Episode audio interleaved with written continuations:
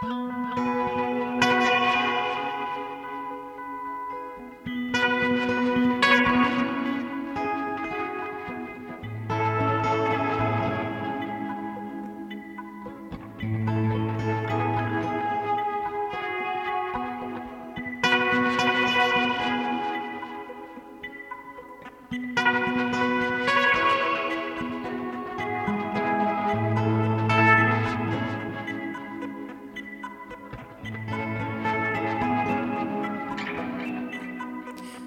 og sæl, kærlustendur. Halla Harðardóttir helsar ykkur úr hljóðstofu Víðsjár mánudaginn 30. janúar. Í þætti dagsins snuð, verkföll á tímum súmera og minningar úr þrælkunarbúðum.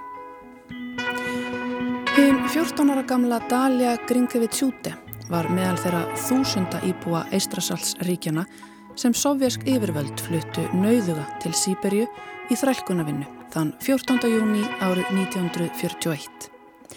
Bókin Lítáarnir við Laptevhaf hefur að geima minningar hennar frá fyrstu árum útlegaðarinnar og eru vitnisspurður um það helviti á jörðu sem sovjesku þrælkunabúðunar voru og um það hvernig fólk næra viðhalda mennsku sinni á slíkum stað. Vilma Kinderíti og Geir Sigursson þýttu verkið úr litáisku yfir á íslensku. Við kynnum okkur sögu dalju með Geir í þætti dagsins og heyrum brot úr bókinni. Og við fáum að heyra fyrsta pistila fjórum frá Ragnæði Gíðu Jónsdóttur. Ragnæður Gíða hefur tekið saman pistla um vinnudeilur og verkföll. Þó ekki þau sem að hæst berum þessar myndir, hér á landi og reyndar víðar, heldur misforn. Í fyrsta písli hennar likur leiðin til Mesopotamíu fyrir að minnstakosti 4000 árum. Meira en um það hér um miðbygg þáttar. En við hefjum þáttin í dag á Ríni í Skaldsögu, snuð eftir Brynjólf Þorstensson. Gauti Kristmansson tekur nú við. Veruleikin er flókin og það er enn flóknar að þreyfa á honum í skaldskap. Flókið en nöðsynlegt. Skaldsagan snuð fyrir í sér einhvers konar endursköpun samtímans með því að snúa upp á hann með blátt áfram íróníu sem á köplum minnir á teknimyndasögu. Lýsingar á manneskjum, hugsunum þeirra og útliti draga dáma þessu og það er meiri sér eitt kapli sem á að vera endursögn úr andreysi önd með nákvæmri tilvísun til upprunlegu sögunar. Ekki veit ég hvort það er rétt, ekki fremur en tilvísunar í Moby Dick og texta sem á að hafa verið skrifaður með aðstóð gerfigreindar þegar nánar er að gáð virðist það ekki stemma. En gerfi greind er kannski miðja þessara sögu, hvað er maður að kalla hana, ekki glæpasögu. En þó er einhvers konar glæpir á bakvið frásagnarkraftin, sem vissulega er mikill alla söguna í gegn.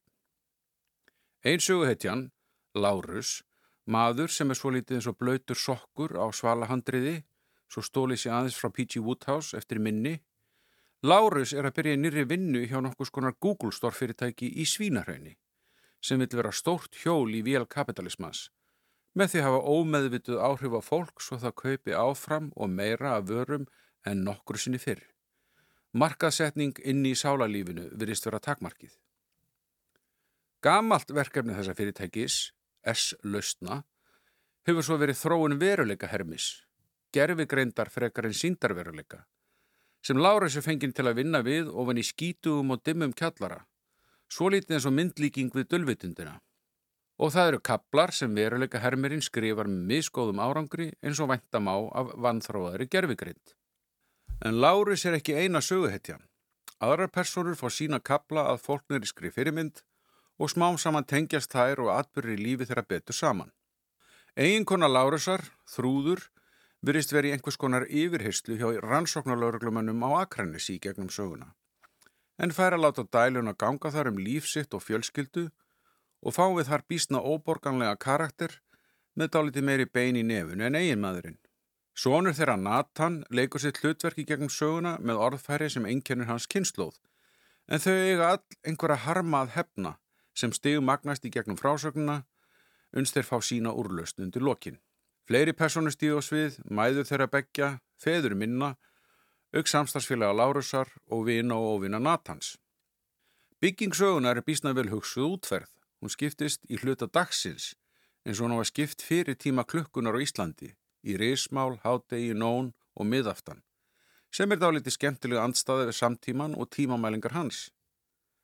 Best hefnast þó að tengja atbyrði í lífi persónuna út frá mismunandi sjónarhóttnum eins og einn fólknuriska aðferð gefur kost á. En eftir nokkuð káatíska byrjun, fannst mér, er öllu raða mjög hagalega saman, nánast raugrétt, þrátt fyrir að karakterarnir séu býstna yktir í orðum og gerðum. Hugmyndaríkið er mikið þegar að þeim kemur. Láris er til að mynda háðu því að sjúa snuð á laun og þaðan kemur titill sögunar.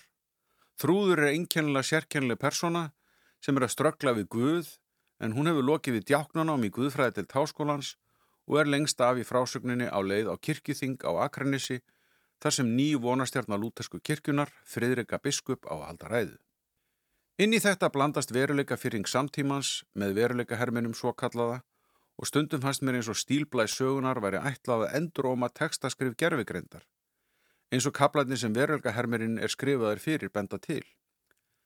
Frólætt verður að vita hvort gerfigreindin geti skrifað ámáta sögu ef hún verður fóðruð á þessari. Sennilega er ekki langt í að það kom í ljós. Stílin er hins vegar annað mennst gæðamerki á þessari skáltsögu.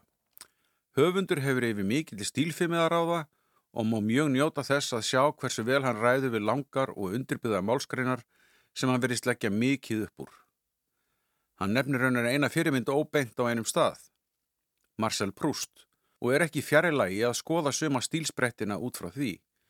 Sem dæmi má taka þegar þrúður er að tala við rannsóknarlauruglumennin á Akranissi um tvo lauruglumenn sem koma á heimili hennar eftir hún tilkynnti innbrót skömmu áður. Tilvittun hefst. Hvernig ég lærði vetru fyrir aldamót að engum veri treystandi, ekki einu sinni manns nánustu, allra síst manns nánustu. Ég sagði þeim hvernig ég kynntist Guði fyrst á skólabæli í Njálsbúð árið 2005 og ég lísti fæðingu Natans í smáatriðum. Hún tók 88 klukkustundir, fæðingin, 88 klukkustundir af helvíti. Allt í samhengi við líf og skref Friðriku biskups, en þeir hlustuð ekki. Skrefiðu ekki nándar næri því allt niður og trúðu mér ekki heldur þegar ég sagði þeim frá manninum í skugganum sem byrtist mér í stofinni þar sem þeir stóð á skítugum skónum. Vóguðu sér að taka mig ekki trúanlega heima hjá mér. Ég sá það á svipnum á þeim. Þessi sköllótti þurfti að hafa sig allan við til að fara ekki að hlæja þegar hinsaðist alltaf lýsa eftir skuggalegu manni og ég velti því alvarlega fyrir mér hvaða refsi ákvæði væri fyrir að kýla lauruglithjón í magan. Þannig ég kvattið á bara, kvattið á í flíti kollega ykkar. Þeir voru ekkert nema skítu í skór fyrir mér. Leðust ég vel til þess að stíga á höfuð samborgara sinna. Ég vildi að þeir myndu hverfa eins og maðurinn. Ég vildi að þeir myndu drulla sér út. Ég var að verða of sein. Tilvitnun líkur. Svona skrifa vekringar mætti vel segja. Það er þú oflangt mál að koma jafnlanga tilvittun í prúst. En ég flett upp í leitað glötuðum tíma af handahófi og bendi áhuga sem á blaðsvið 36 í fyrsta bindinu sem lítið dæmi. Raunar fannst mér þessi bók líka að vera dálítið leit að glötuðum veruleika. Ekki með einhverju fortíða þrá, það er fjarrlegi, heldur með því að draga fram nánast, en þó ekki beinlínis á raunsæðanhátt, auðgakenda tilfinningu fyrir samtímanum þeirri tilfinningu sem við erum farin að fá fyrir veruleikanum í dag. Veruleika sem verist fjarlægast sjálfan sig og hverfa inn í heim gerfigreindar þar sem allt er svo líkt veruleikanum en er þó ekki veruleiki.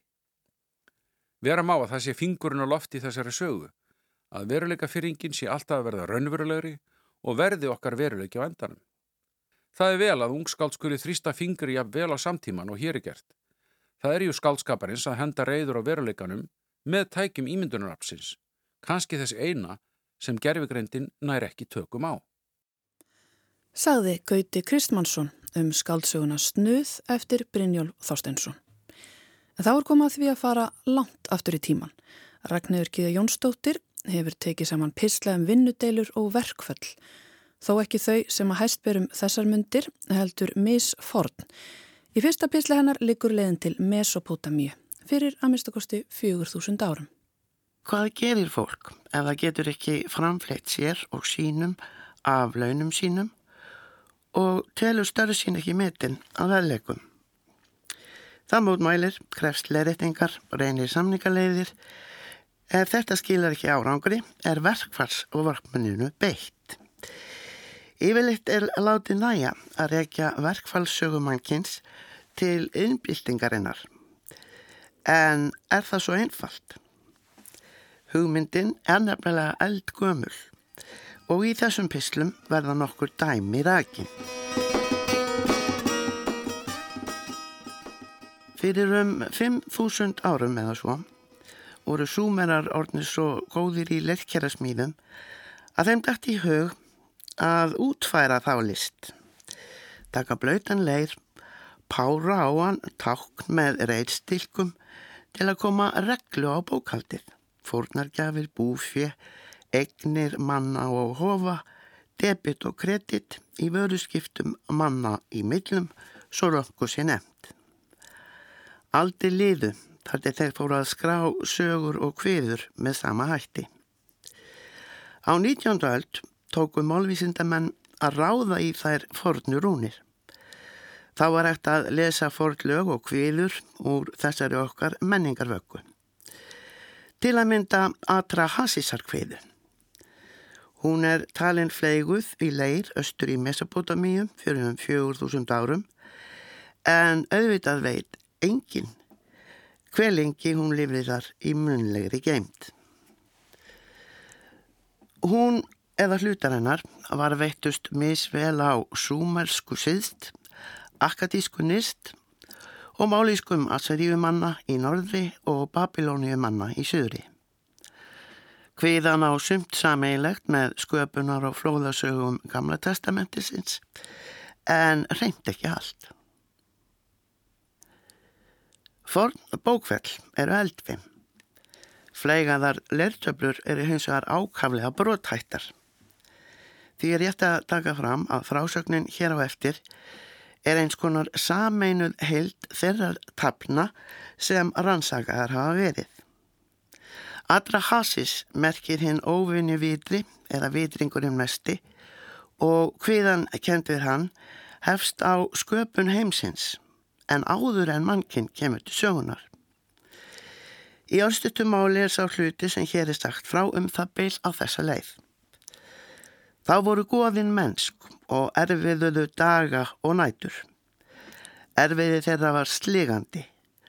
Hátt sett að núna goðin ákvaðu að lægra sett í gíkigóðin eða þræla þeirra. Látt settu góðin grófu farvegi fljóta áa og ávættuskurði lífgjafir alls lands. Þau grófu árfarvegi efrættfljóts og síðan tígrisfljóts. Þau grófu djúft í jörðu eftir uppsprettum vass, hlóðu fjöll og fjallkarða, skópu mýlendið.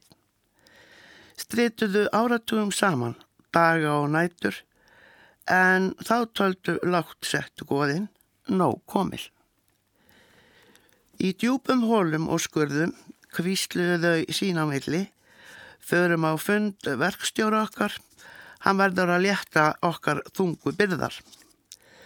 Rænum en líl aðstum goða og stríðsmanni af heimilans. Þarna hefur leirtablan brotnað en því næst má lesa. Höldum til bardaga. Annað brot og svo áfram kveikjum í hýpilun þeirra forða og geimslukorfum.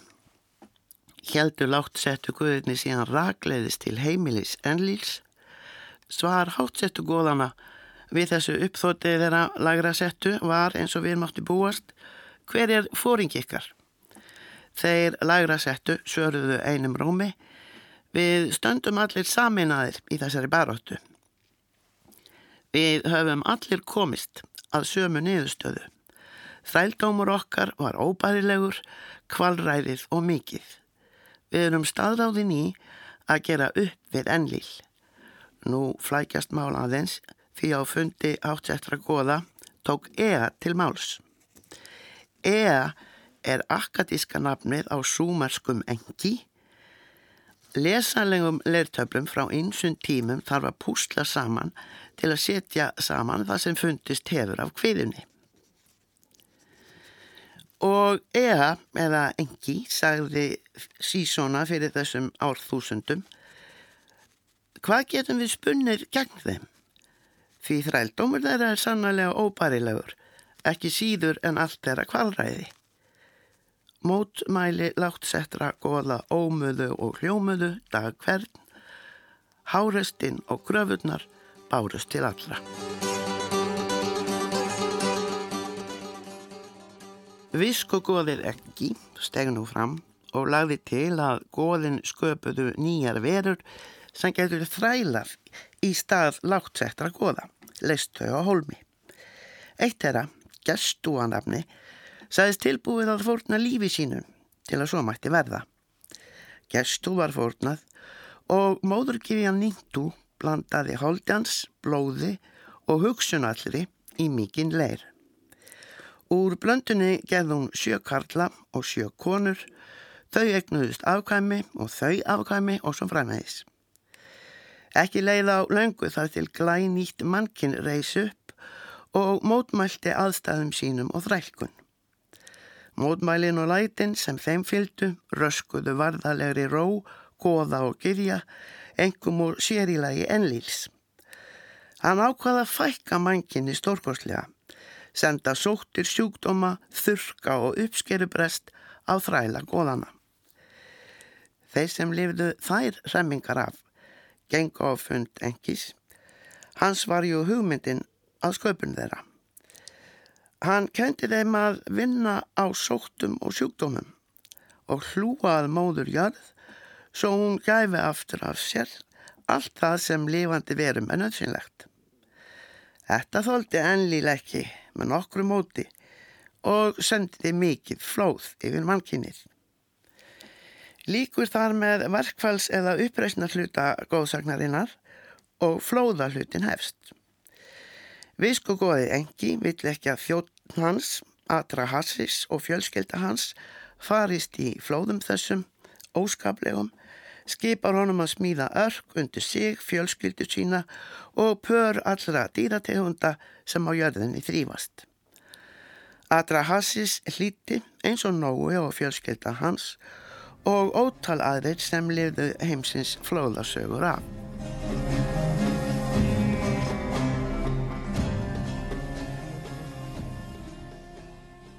Östur í fordri Mesopotamíu, eilandinu millir fljótana Efrat og Tígris, hefðu íbúar ekki ósvipaða skoðun á goðum sínum og gyðjum og fornir gríkir og fleiri síðar. Fornar goða og gyðjukviður og sögur segja eins og er meira um þangangang manna en goða. Goð og gyðjur eru mörg hver miklu mun breyskari en mannkinnið, samanlagt, skapstór ástriðufull afskiptasum hefnigjöld, ráðrík, hattusfull, þraung sín meistæk, halda með sumum en snúast gegn öðrum, óþólinnmóð, skamsín, alvaldar í mannheimum, gefnir fyrir reglu á óleikum stjættum, bara ekki sjálfum sér og sínum, nema þeim látt settustu í þeirra stjætt. Einstaka góð og gefja gera þú vissulega aðtúarsendir og bræðast við. Engin veit hvenar einhverjum er dætt í huga að segja frá átökum tveggja stjætta goða og gifja og síðan mannkins. Þessari verkfalls eða uppreysnarsögu sem svo gekk mann fram að manni í munlegri geimt þar til hún var fleguð í leið mörgum sinnum. Gæti verið að hún byggja á atbyrðum úr fjarlæri fortið sem voru ornir að góðsögum þegar þar voru fyrst flegaðar. Hugmyndin um að vittlust sé gefið í mannheimum er að æfa forn afurð mannlegrar hugsunar og reynslu. Á þriðja áratíu 2001. aldar getum við hins vegar ekki kent ennlýl um hvernig er komið fyrir okkar bláa netti og öllu sem þar þrýfst og lifir. Við eigum að vita betur. Ennlýl, lúkal kúrkúra. apa tingger tinggerene ke inim kinanitha ningersu sharpi khiene sur Ragnæður Geða Jónsdóttir saði hér frá 4000 ára gömlum vinnudeilum og hún verður áfram með okkur hérna næstu vikurnar. En þá fyrir við yfir í texta sem er nær okkur í tímatali. Hinn 14 ára gamla Dalia Grinkevitt-Sjúte var á meðal þeirra þúsunda íbúa Eistrasalsríkjana sem að sovjísk yfirvöld fluttu nauðuga til Sýberju í þrælkunarvinnu þann 14. júni árið 1941. Bókin Litáarnir við Laptehaf hefur að geima minningar dalju frá fyrstu árum útleðarinnar og eru vitnisspurður um það helviti á jörðu sem sovjasku þrælkunabúðunar voru og einni vittnisspyrður um það hvernig fólk næra viðhalda mennsku sinni á slíkum stað. Vilma Kinderíti og Geir Sigursson þýttu verkið úr litáísku yfir á íslensku en stopnun Vigdísar Fimboðdóttur í erlendum tungumálum og háskólótgáfan gefa bókina út. Ég ætla að ræða þetta verk við Geir hér eftir skamastund en fyrst skulum við heyra upphaf minninga Dalíu Gringavid Sjúti. Hvað er þetta? Ég þreyfa fyrir mér. Kallt í árun. Ég ligg á bakinu en fallegt. Solskinnið, skuggin. Ég skenja að tímaskeiði í lífi mínu er lokið. Punktur. Annað er rétt að hefjast, óljóst og ógvænlegt. 24 einstaklingar liggja rétt hjá mér. Sofandi? Það er ómögulegt að vita. Hver og einn hugsar sitt. Hver og einn hefur neðist til að loka ákveðnum kabla í lífi sínu síðan í gær. Hver og einn á fjölskyldu, ættingja, ástvinni. Nú þarf að kveðja þau öll í huganum. Skyndilega kippist lestin til. Eitthvað fellur á gólfið úr efri kóju. Nú sefur engin lengur. Þögn. Ég klæði mig í flíti. Verða kveðja kánas. Fólkið stendur við glukkana.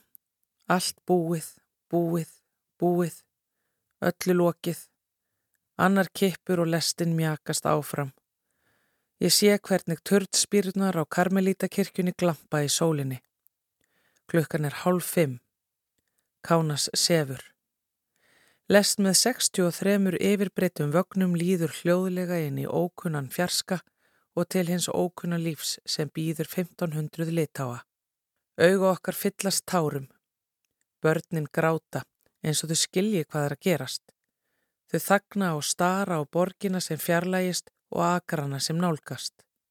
Sjáuð börn, horfið vel og vandlega og geimi þessa mynd, þetta andatak, í minningu ykkar um alla eilífð.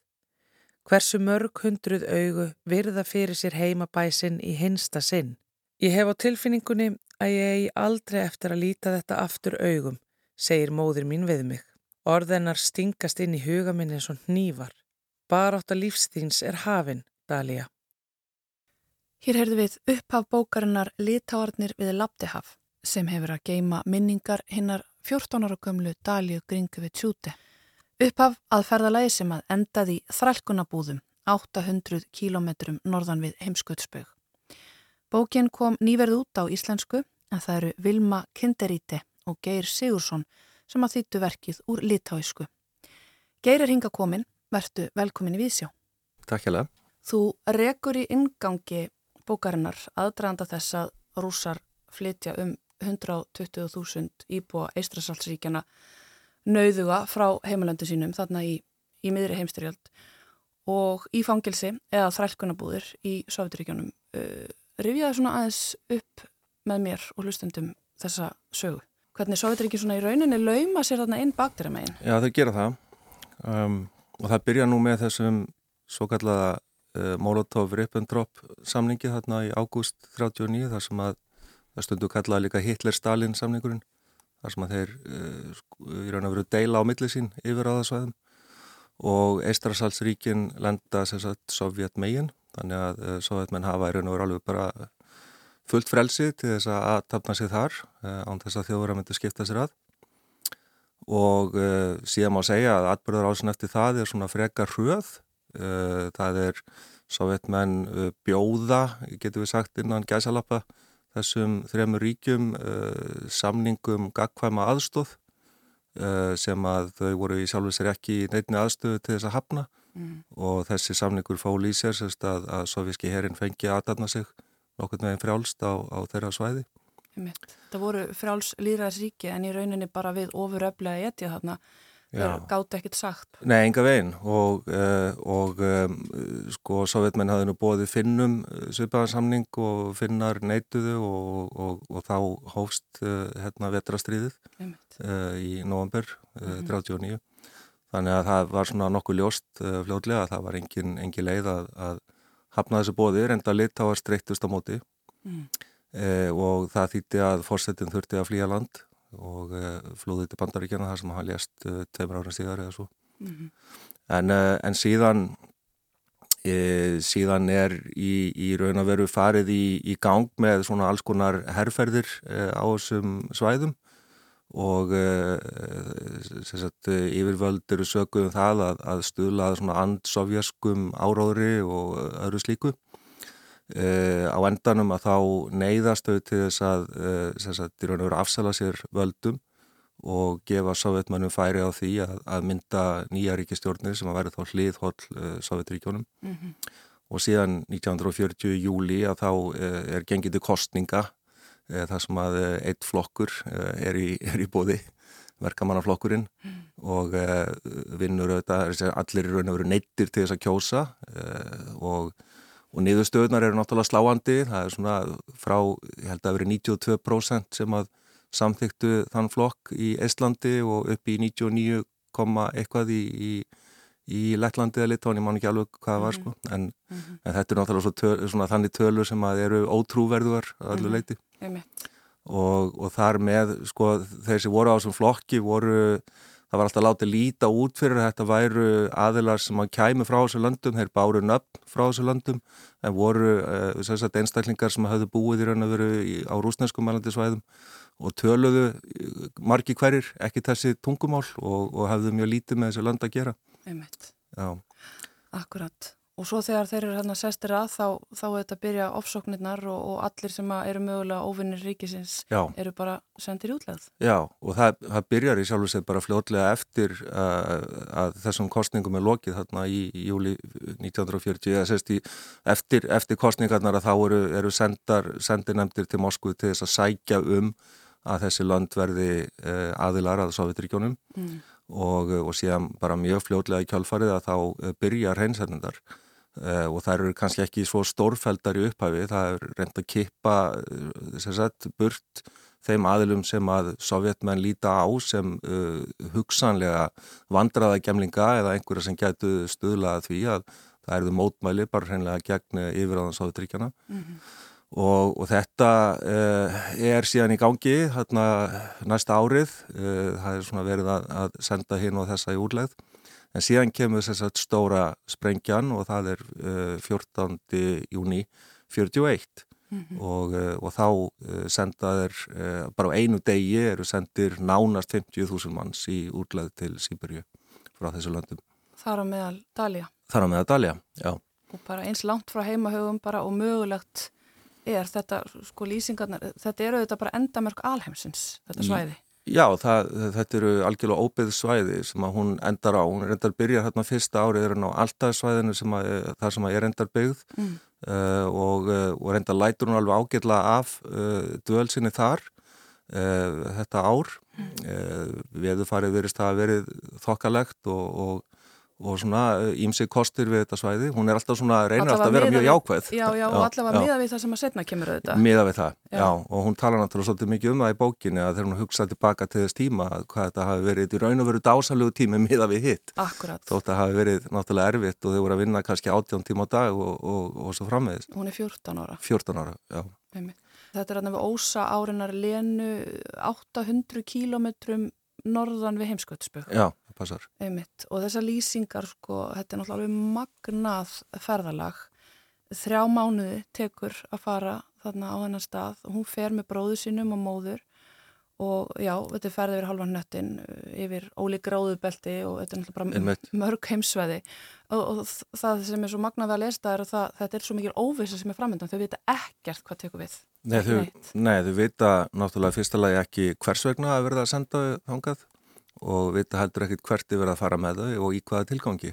Einmitt. Þannig að það er, já, fullkomin óvisa mm -hmm. og, og séðan þau eru komin loksins á þennan áfangastað þar sem að þau eiga sérst að taka þátt í, í því að leggja undir sér norðrið eins og sagtir, þurfa sérst að byggja sér brakka til þess að uh, búa í. Þeir eru komað hérna í lok ágúst uh, fjör, uh, 42 að um, já þá það er náttúrulega alveg fullkomin vanskilningur á því sko hver tilgangurinn er með þessari, mm þessari ferð mm -hmm. Já, lýsingarna þegar þau koma veturinn er að gangi í garð já. og þau eru með nokkra múrstina já. til að byggja sér hús, þau eru bara að retta timbri sem hann alltaf flýtur hann um í ánum og það eru engin hús, þetta eru 10 manns, manna og, og 450 manns Já. sem kemur á svæðið, 450 litáar og heimskötaveturinn bara gangi í gard og þau kunni ekki neitt. akkurat og þurftu sérst að, að teikna eða sérst gera áallanir um, um húsbyggingu sjálf, þurftu að vera eins og hún lýsir, þurftu að vera arkitektar og, og, og hérna uh, þetta líka bara uh, þurftu að byggja húsin sjálf. Þannig að, já, sem eru auðvitað ekki hús, þetta eru rauninu bara kofar. Já, já og eins, eins og einmitt og eins og er náttúrulega lýsíðar í bókinu að þegar að, að stormatir geisa að þá, þá fíkur þetta svo sem allt saman til og frá og er allt saman hriplegt og, og, Mhm. og heldur auðvitað engum hita og, og svo framvegis.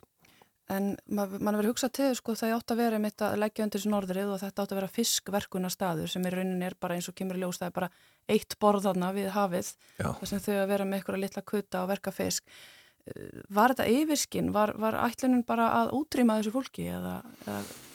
Já, það, sko, vafalust hefur það nú, uh, vafalust hefur það nú, uh, sko, búið að baki að einhverju leiti að, að, hérna, og það er til dæmis einn ástæðan fyrir því að fjölskyldu voru aðskilda með þessum hætti, þá getur þau ekki fjöl, fjölga sér, sko, og, um, e, og vafalust var, sko, eh, ég menna það átti náttúrulega að nýta þau sem vinnu af, vissulega, og, og, og þessi fyrskverskuna stöð átti sérst að vera til þess að framleiða matvæli fyrir rauðaherinn en, uh, en það myndi örgulega ekkit saga þótti myndu líka týna lífi. Mhm. og náttúrulega langflesti gerðu það. Uh, 60% uh, þeirra sem að uh, voru sendir þarna á, á norður hjara veraldar uh, snýru aldrei aftur. Mhm. þessar lýsingar þetta eru þetta bara helviti á jörðu. Þau búa þarna hópur fólks í litlum kofum og einmitt stegja hvert af öðru, sjúkdómar og allt Einmitt. sem að kemur þarna upp Það er náttúrulega vannærð sko, algjörlega vannærð og, og Lífa þjást af fyrst og fremst hvað heitu vatni og brauði bara.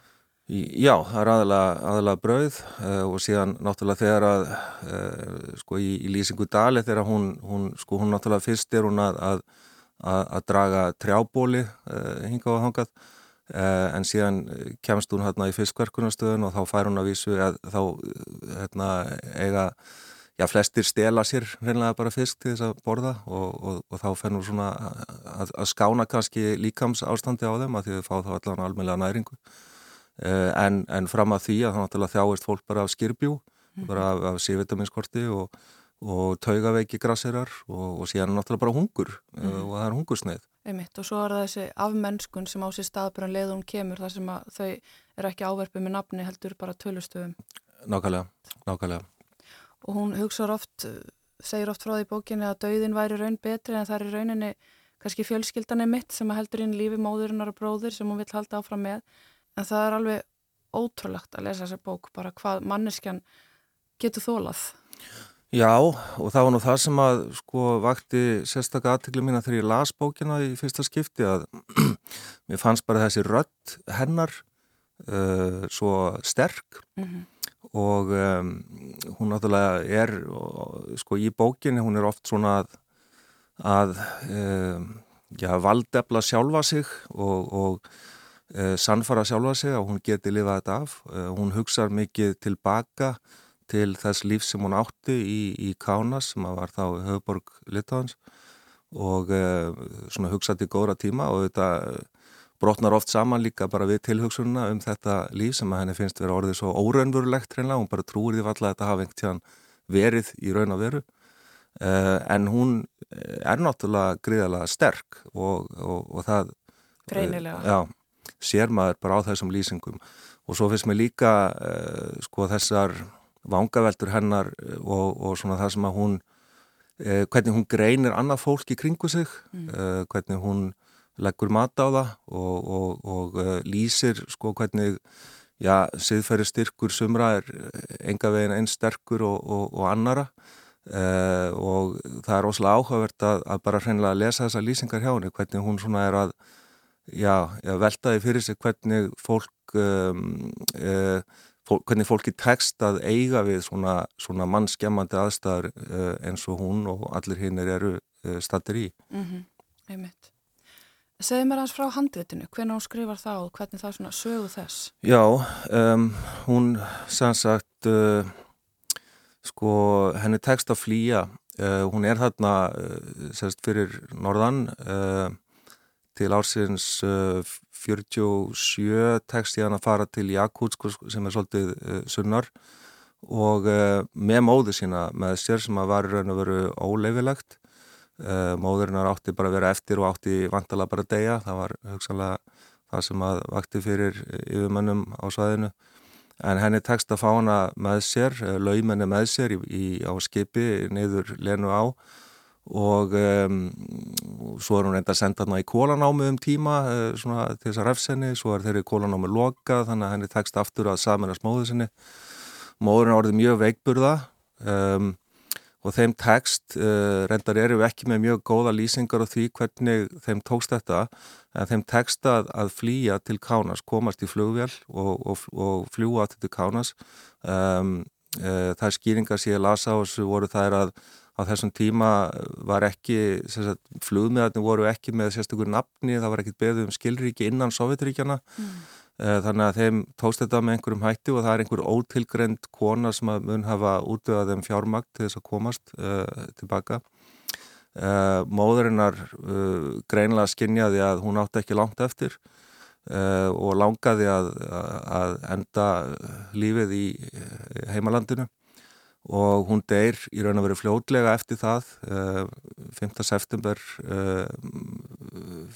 uh, 1950 og það er á þessum tíma sem hún skrifar þetta niður. Uh, þar eru þar í felum sérst, í Kánas og hún skrifar þetta niður á lausblöð þetta er einhvað um 219 lausblöð sem hún skrifar þetta á skrifar þetta vantala í talsurum flíti en þetta sérsta kannski á frásögnina hún er svona stundur svolítið brotakjönd auðvitað það eru líka sömur hlutar sem hefur ekki tekist að lesa almeinlega úr að því að svo felur hún þessi blöði krukku og, og grefur í gardinum uh, uh, sagt, við húsið þar sem að uh, þær áttu heima. Og um, nú síðan er hún handikinn síðan deyr móðurinn og, og hún, hún grefur hún að reyndar í kjallaranum í húsinu. Og, eh, og síðan er hún handekinn og, og flutt í fangelsi í fjölmörgum borgum og, flutt aftur til Sýberju þar sem að hún er heilengi mörg mörg ár uh, og síðan er það ekki fyrir henni raun að veru að eftir að Stalin deyr 53 og sérstaklega 56 þegar Khrushchev uh, fordæmir stalinismann mm. að hún fær þá leiði til þess að snúa aftur til Litáin mm -hmm. og hefur þá verið í læknanámi í, í Omsk í, í Sýberju heldur því ná, námi áfram í, í Kánas og, og, og líkur því uh, og um, uh, sérst, eftir 56 þá fer hún að sko reyna að hafa uppi á þessum blöðum og finnur þau ekki, tekst ekki að finna þau. Uh, þannig að hún skrifar niður aðra frásögn sem er talsvert öðruvísi. Þetta er að vísið hann eru komin í 8. áratögin eftir 1970, mm -hmm. skrifar endar á rúsnesku þá Eh, frekar svona stuttafrásögn sem er, er svona, hún er allt annars eðlis, hún er ekki eins uh, persónuleg og uh, svona kannski hlutlægari á einhvern hátt uh, þetta er kannski bara 20-30 síður í, í prentu formi. meiri bara svona skráning. eins og skýrsla einhvern veginn og, og það sem hún er bara að greina frá þessum hróðaverkum sovjetmanna gagvart uh, útlögum frá Litáin, Íslandi, Lettlandi en líka frá Úkrænu, frá Finnlandi uh, og fleiri uh, ríkjum og þetta byrtist síðan í svona andóstímariti sem kemur út í Moskvu.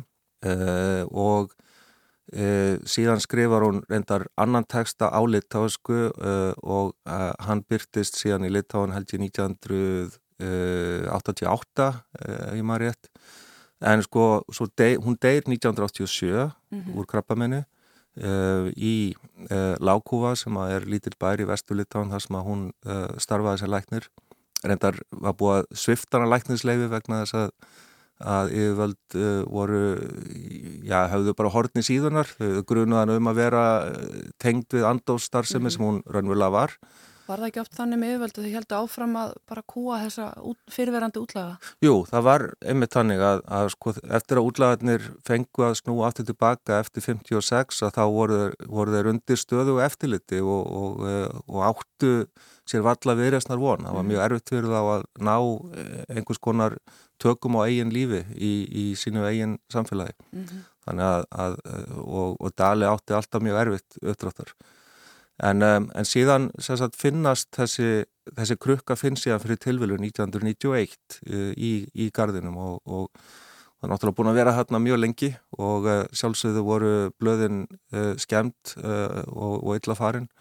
Uh, þannig að það var bara farið í, í, í hérna, uh, já, reyndað að púslaðin saman mm. og, og, og hérna, ná, tekstan, ná heildartekstanum og það tók svona langt mestuleiti. Það eru svona nokkuri staðir sem að, uh, ekki tókst að, að uh, lesa úr því sem hún hafi skrifað niður. Mm -hmm. Og síðan kemur þetta út í fyrsta skipti 1997 mm -hmm. uh, á Litánsku. Þegar það Litán orðin sjálfstað þjóð á ný. Já, emitt. Litán lýsir yfir sjálfstæði 11. mars 1990 frá mhm. Sáveituríkjónum. Stuttu síðar finnst þetta handrit í raunin alveg magnað. Já, finnst svona árið síðar. Já. Já. Og verður smá partur af svona þessari þjóðverðnisvakningu í rauninni? Já, algjörlega, sjálfsögðu. Já. Að uh, uh, þarna höfðu náttúrulega mörg hundruð þúsund manns verið flutt í, í ánauð og sumir náttúrulega snýrið tilbaka og gáttuð þarlegandi sagt frá þessari mm -hmm. uh, skjálfilegu reynslusinni sem að er ég hef lesið fleiri en eina slíka sögu og þær eru náttúrulega bara mjög svipaðar að það er yfirlegt verið að flytja fólk á einhverja mjög mannfjandsamlega staði mm -hmm. þar sem að uh, það átti í raun og veru já, mesta líkur voru á því að þau myndu ekki lifað af Jum. sem að var náttúrulega tilfælli uh, hjá lang flestum mm -hmm. Mitt sagan en að Dali er vendilega saga sem að allir þekkja þar Já, ég held að þetta sé skildulesning í skólum Já. þar og um, ætti nú kannski að vera skildulesning bara víðar. Alveg sammála því. Já. Á okkar tími núna sem lögum þó þetta hljómið sko, eins og aftan úr fornöld þar sem þú ert að lýsa hvernig sko Sovjetríkin lauma sér þarna inn og, og, og hvað verður svo í framhaldinu þetta er auðvitað það sem við fyrir að sjá gerast bara í dag. Já það er nefnilega sláandi. Um, við viljum að byrjuðum að þýða þessa bók fyrir jólinni hitti fyrra og það var náttúrulega innrásin ekki hafinn ennþá mm -hmm. inn í Úkrænu en um, en þegar hún hófst og, og maður fór að fylgjast með aðförum rúsa uh, gagvart úgrænu að þá sá maður að sko strategjan verist ekki að hafa breystað neinu verulegu leiti að þetta snýst alltaf um að, að um, líta svo á eða láta líta út fyrir að Rúsland sé ekkert verið að bjarga uh, nágrannlandinu undan fasisma sem er bara nákvæmlega sama svona áráðusbræðu og þeir mhm. beittu í Estrarslandslandunum og örugla víðar mm -hmm.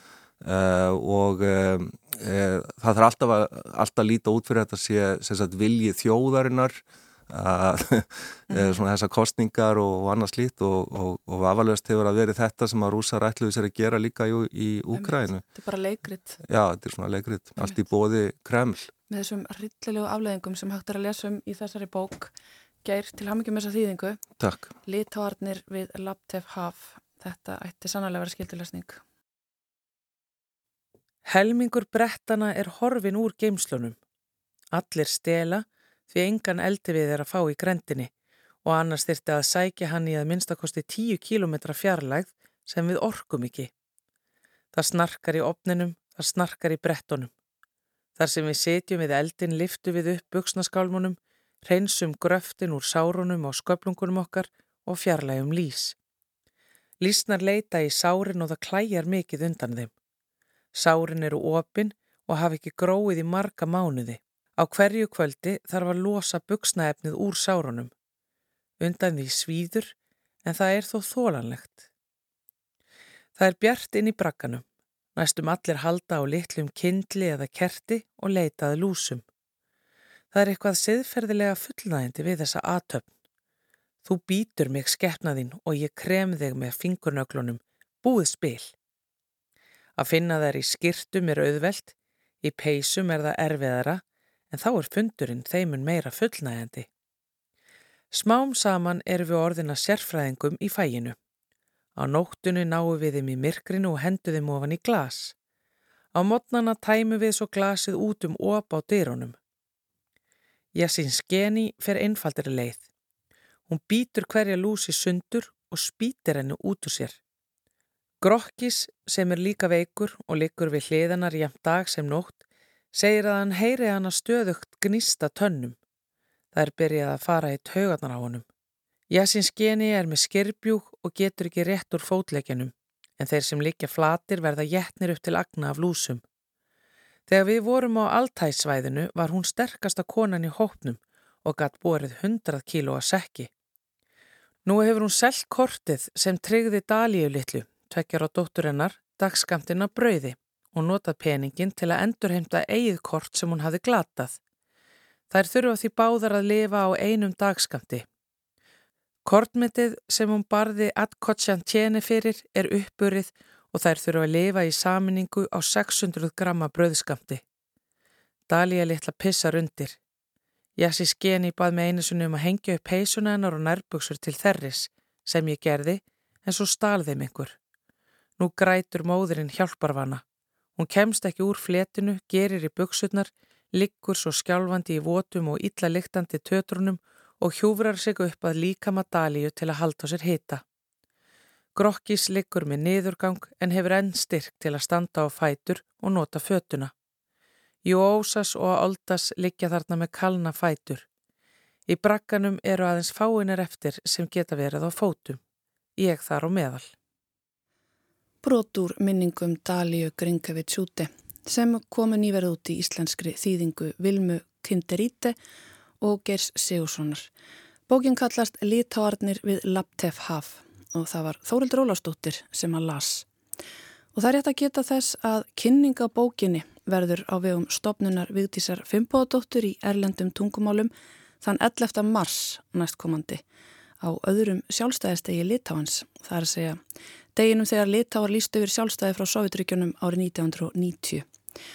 Auk samtalsum bókina verður sínt kvikmyndin Ashes in the Snow frá 2018 sem gerðir eftir skáldsögu bandarísk litáíska rítöfundarins Rútu Sebitís frá 2011 en svo bók byggir að miklu leiti á frásögn Dalíu.